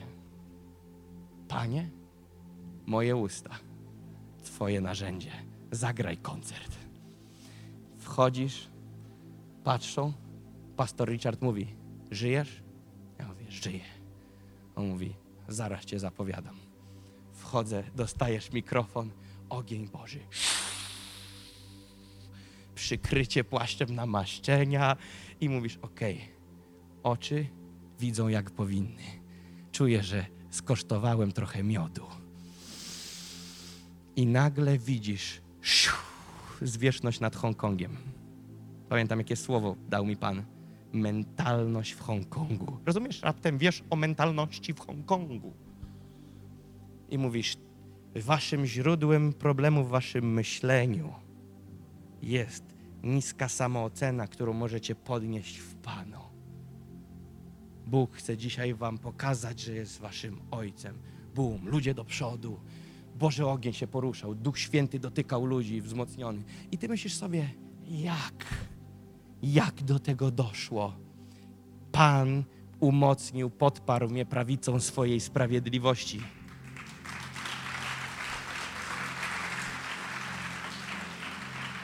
I teraz każdy z nas, trzecią zostawiam na inny dzień, każdy z nas musi zrozumieć, że im dalej chcesz zabrnąć, im więcej chcesz dotknąć, im wyżej chcesz zajść, potrzebujesz iść na niebiańskiej sile.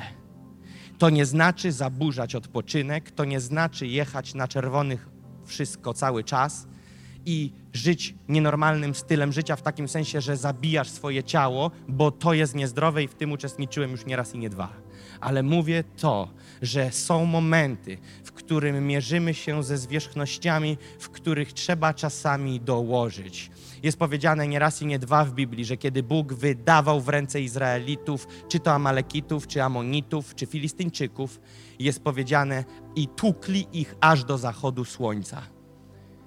Wiesz, że ten miecz ważył grube kilogramy? I wiesz, że tam nie było sędziego, który gwizdał i mówił przerwa na picie. Oni się tam tukli. Tam trzeba było siły Pana, żeby machać mieczem przez 12-15 godzin.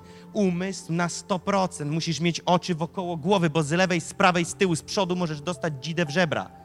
Może ci ktoś łeb urwać, może się stać wszystko, może ci jakiś łucznik zastrzelić. Musisz mało tego, że ciągle fizycznie pracować, musisz być trzeźwy. Jak do tego doprowadzić, że masz, masz taką perspektywę i taki timing? I wtedy masz odpowiedź w Starym Testamencie. Wojownicy Dawida jest napisane jednym ruchem włóczni potrafili położyć 300. Jak siła Pana za nim szło żądło nieba. On wyciągał, rozumiecie teraz? Posłuchaj.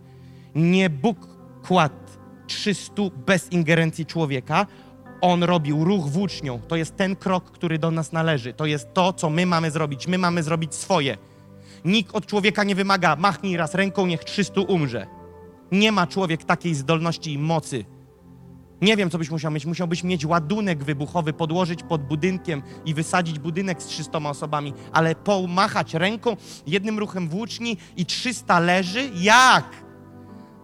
Ale Bóg mówi, ty machasz, robisz swoje 100%, a ja przynoszę pomnożenie.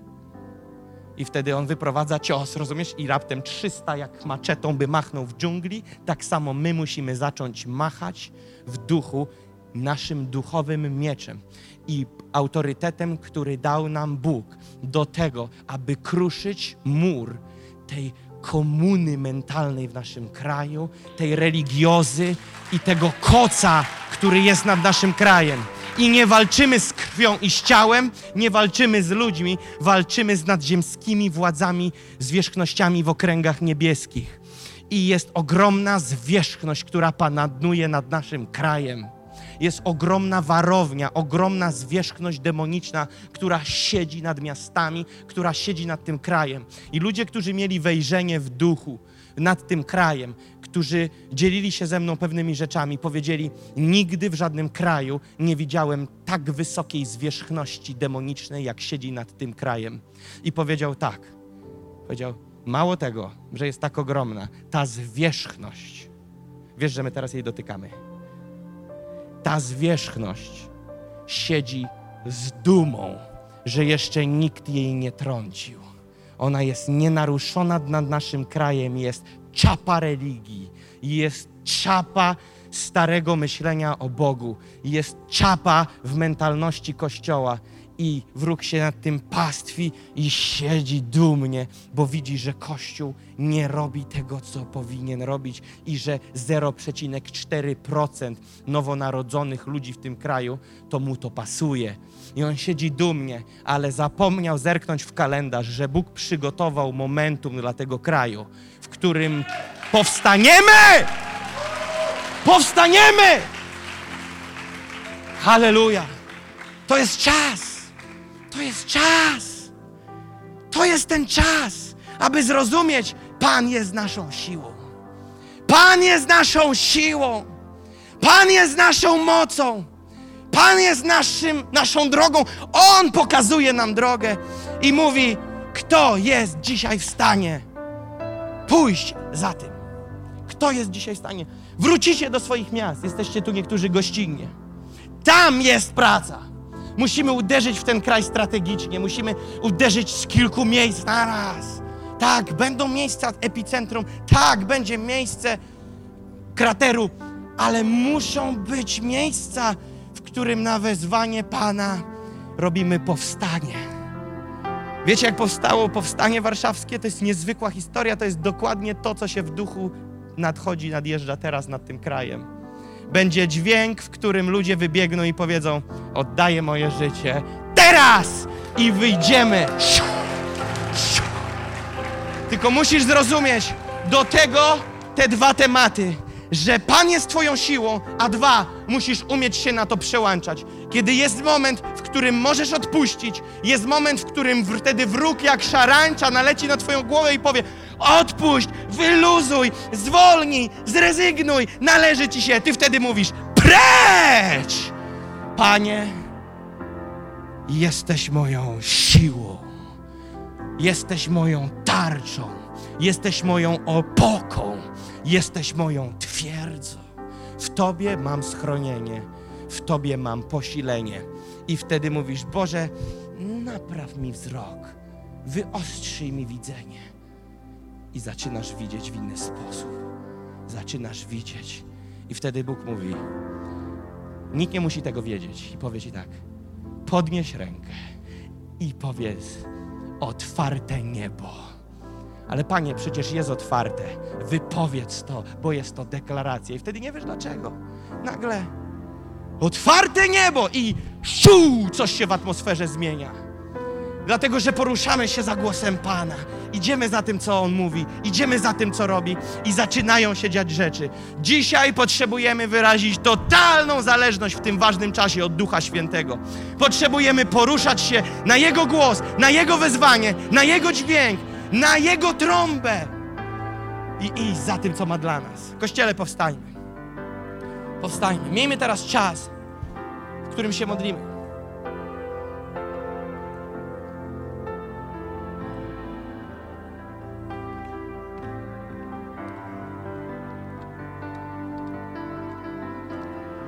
Panie, objaw nam przez swojego ducha, co to znaczy, że Ty jesteś naszą siłą. Panie, objaw nam przez swego świętego ducha, co to znaczy, że jesteś naszą siłą, Panie. Potrzebujemy Ciebie. Panie, ja dziękuję Ci, że jedno z Twoich imion to Wszechmocny. Wszechmocny. Wszechmocny który podpiera swój lud swoją sprawiedliwością, umacnia, podnosi, podpiera swoją sprawiedliwością.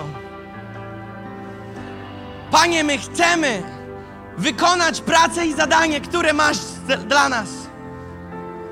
Panie, my chcemy w tym zachować pokorę, wstrzemięźliwość, bojaźń, czujność, uniżenie, miłość do siebie nawzajem, miłość do naszych wrogów, umieć błogosławić naszych wrogów i chcemy iść, Panie, do przodu, napierać na mur, napierać na mur, ale Twoją siłą.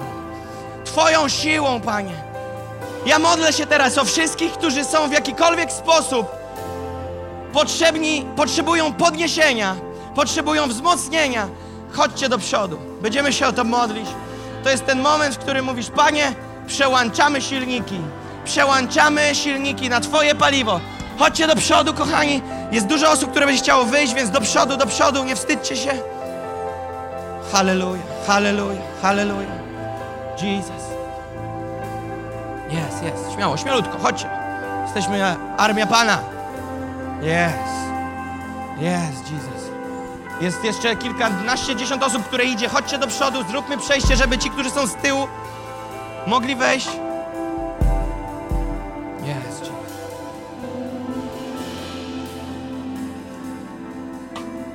Holy, holy, holy, holy. Śmiało, możemy się jeszcze rozejść. Niech wszyscy znajdą swoje miejsce. Zawsze dla wszystkich będzie miejsce.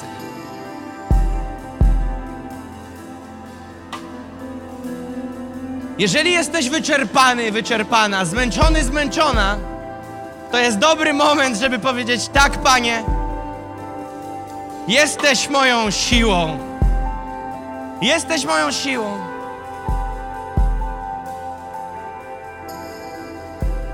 Tak, wielu z nas będzie potrzebowało nauczyć się odpocznienia, bo wiem, że wielu z nas to przeginało, ale ja teraz mówię w kontekście miejsca, w którym dociskamy. W szczególności teraz mówię do Nofowiczów, Now Church. Kościele, odbieram w duchu, że potrzebujemy docisnąć te kolejne 30 dni. Wytrzymamy to. Wytrzymamy to. Wytrzymamy to. Ale tylko i wyłącznie z Bożą pomocą. Tylko i wyłącznie przed nami jest szalony czas. Nadchodzi Tiot. Później tydzień potem jest Now School. Ale damy rady. Pan jest naszą siłą. Poniesiemy to. On. Poniesiemy, bo jesteśmy Boża familia. Bóg nas tu posłał. Ale wy też, którzy jesteście z zewnątrz gośćmi, my też wierzymy, że wy nas wspieracie, że wy też robicie swoją pracę na zewnątrz. Wiem, że kiedy przyjeżdżacie, modlicie się o ten czas, błogosławicie. Ja nie chcę, żeby to teraz nagle zabrzmiało jak skupienie na gloryfikowaniu Nofu. Nie, nie, nie. Ja tylko mówię o tym, że Nof ma specyficzną sytuację i chcę się modlić o posilenie, ale też wiem, że wy wszyscy, którzy jesteście tu, dlatego powiedziałem na początku, że nie jest to przypadkiem, że usłyszysz to słowo. I wierzę, że tak jest. Jesteś z zewnątrz, ale może jesteś w podobnych klimatach i potrzebujesz Bożego miecza, Bożej siły, żeby przebrnąć ten mur, który jest. Mur może niewiary w otoczeniu, w którym się znajdujesz, być może mur jakiejś niechęci, mur jakiejś opozycji i myślisz sobie w głowie, może się zatrzymać, może zwolnić, może zrezygnować. Ja wierzę, że każdemu z Was Bóg indywidualnie powie, ale dzisiaj przesłanie jest: Pan jest moją siłą. Pan jest moją siłą.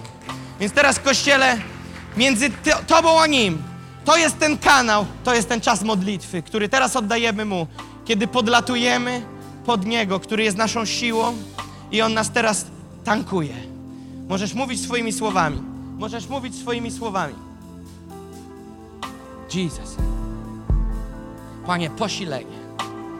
Posilenie, Panie. Posilenie, Panie. Posilenie, Panie. Posilenie, Panie. Shatore de rebene, sure de rebene, shibre de rebene, sai.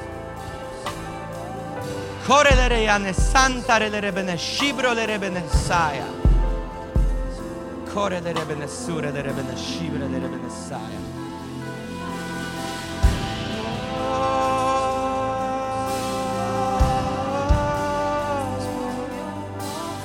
Yes. Oh, reba sandare de rebene, shibre. Kore le rejane, santa. Yeah.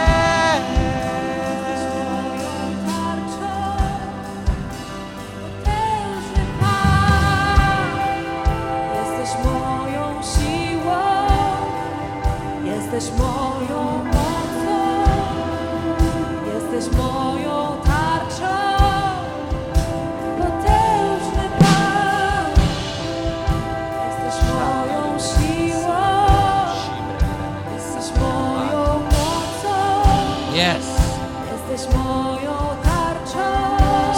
swój wzrok na Nim. Skup się na Nim.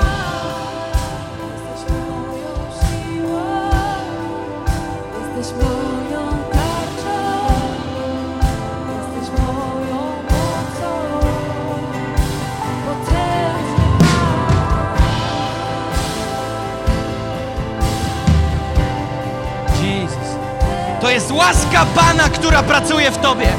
To jest łaska, która Cię podnosi. To jest łaska, która daje ci teraz odświeżenie emocjonalne. Bądź orzeźwiony, trzeźwy w swoim umyśle. Bądź trzeźwy. Odpocznienie, odpocznienie, odpocznienie. My mówimy do wypalenia. Precz! Mówimy do wypalenia. Precz! Precz! Precz! Precz! Nowe, nowe,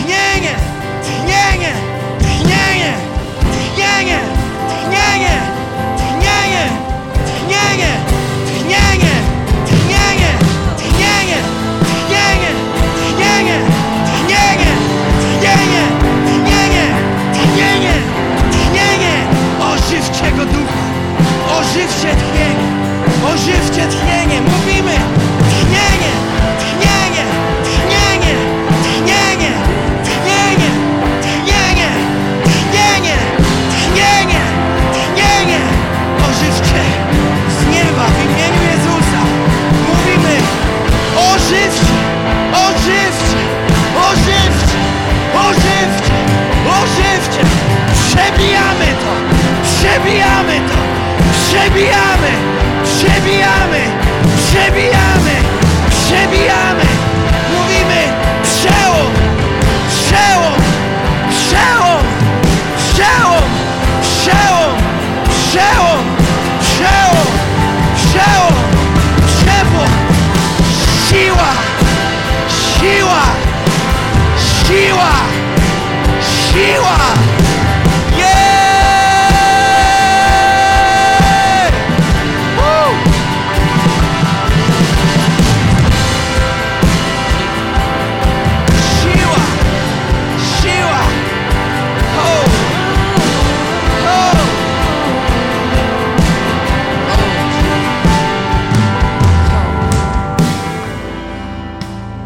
jakakolwiek choroba, która cię teraz trzyma, mówimy jej precz w imieniu Jezusa. Jakakolwiek niemoc, jakakolwiek sytuacja, mówimy zdrowie, zdrowie, zdrowie. Zdrowie nad ciałem i duszą w imieniu Jezusa. Zdrowie nad naszym umysłem, nad naszym intelektem, Panie. Nad naszymi emocjami, Panie. Panie, niech wyleje się Twój olej posilenia i odświeżenia. Teraz po prostu to przyjmij. Jak dosłownie olej albastrowy, jak zapach, jak przyjemna woń. Odpocznij.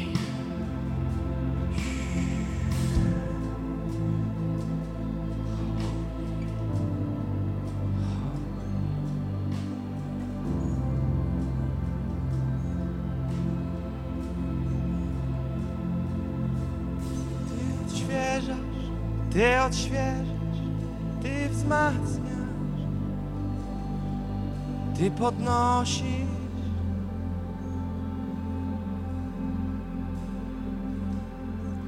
Ty posilasz, Ty posilasz, Ty rozpalasz, podnosisz nas.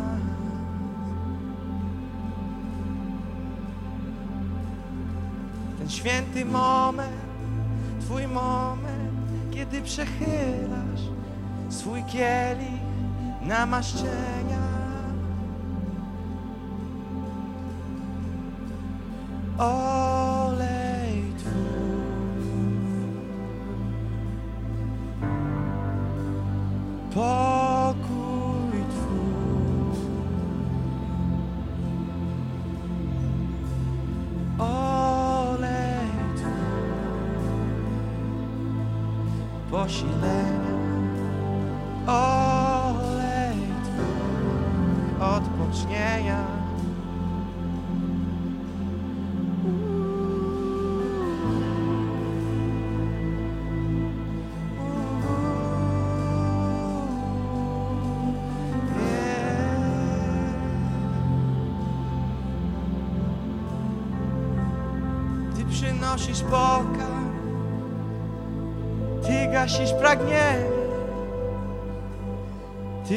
Ty odnawiasz siły.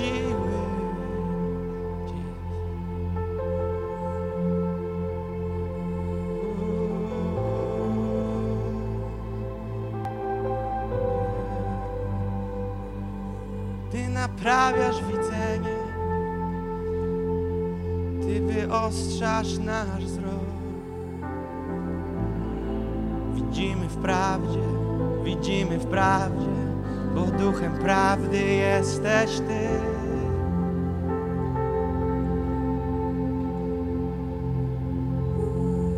Widzimy w prawdzie, widzimy w prawdzie, bo duchem prawdy i wolności jesteś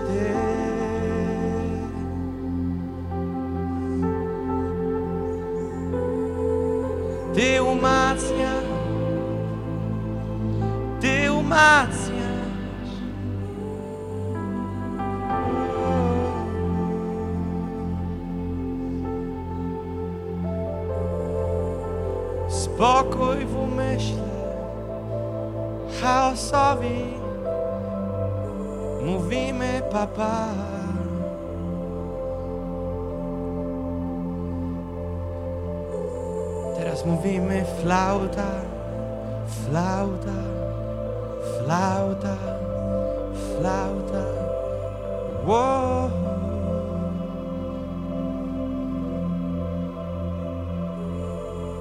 Pokój Twój przewyższa zrozumienie me, zaskakuje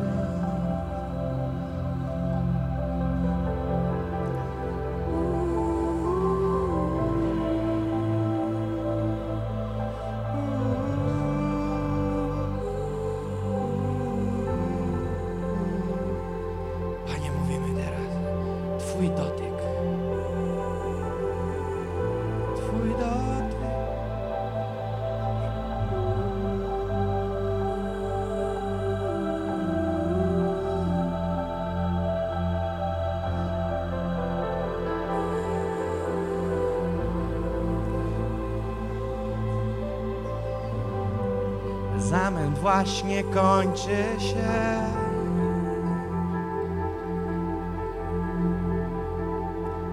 Zamęt właśnie kończy się. Ucisza się, bo pokój Pana w Tobie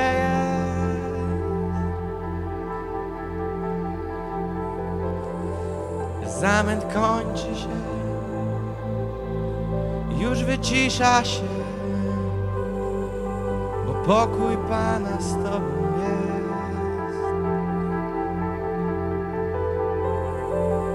Widzisz trzeźwo, widzisz wyraźnie to, co chcę, byś widział, Pan, to, co chcę, byś widział.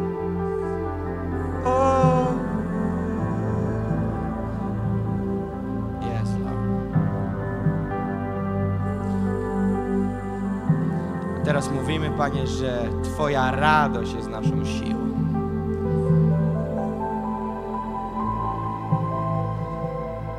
Panie, jedno wychodzi, drugie przychodzi, robimy Ci miejsce.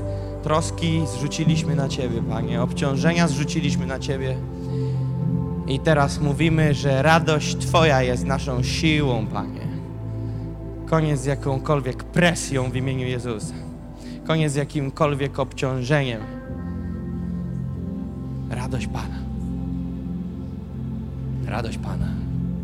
Halleluja.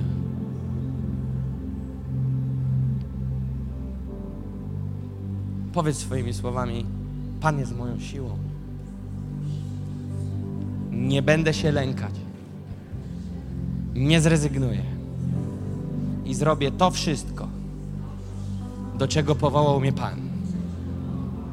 Nie zachwieję się, bo Ty, Panie, mnie umacniasz, podnosisz, wzmacniasz swoją sprawiedliwość. Jesteś moją nadzieją chwały. Torujesz drogę, abym mógł iść Twoją ścieżką. Amen. Hallelujah.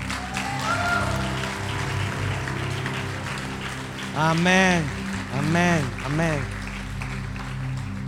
Jeszcze zanim się rozejdziecie, posłuchajmy. Jedno zdanie. To jest decyzja. Każdego dnia jesteś w miejscu decyzji. Ja nie mówię cały czas, chcę to tylko zaznaczyć. Ja nie zachęcam do zaorania się.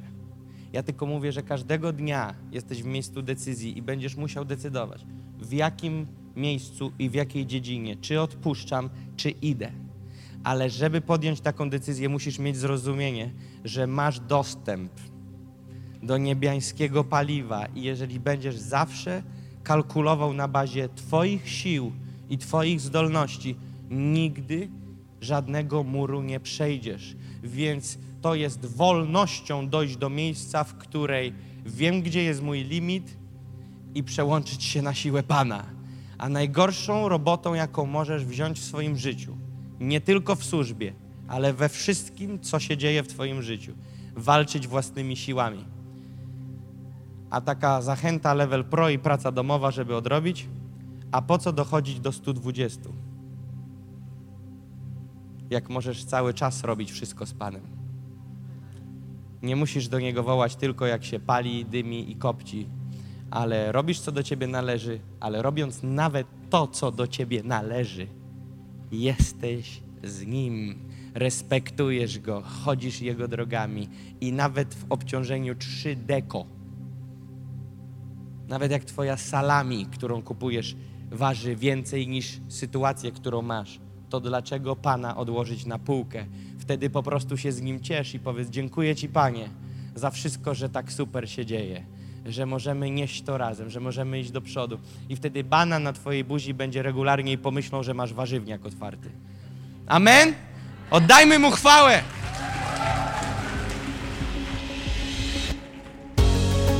Dziękujemy, że byłeś z nami.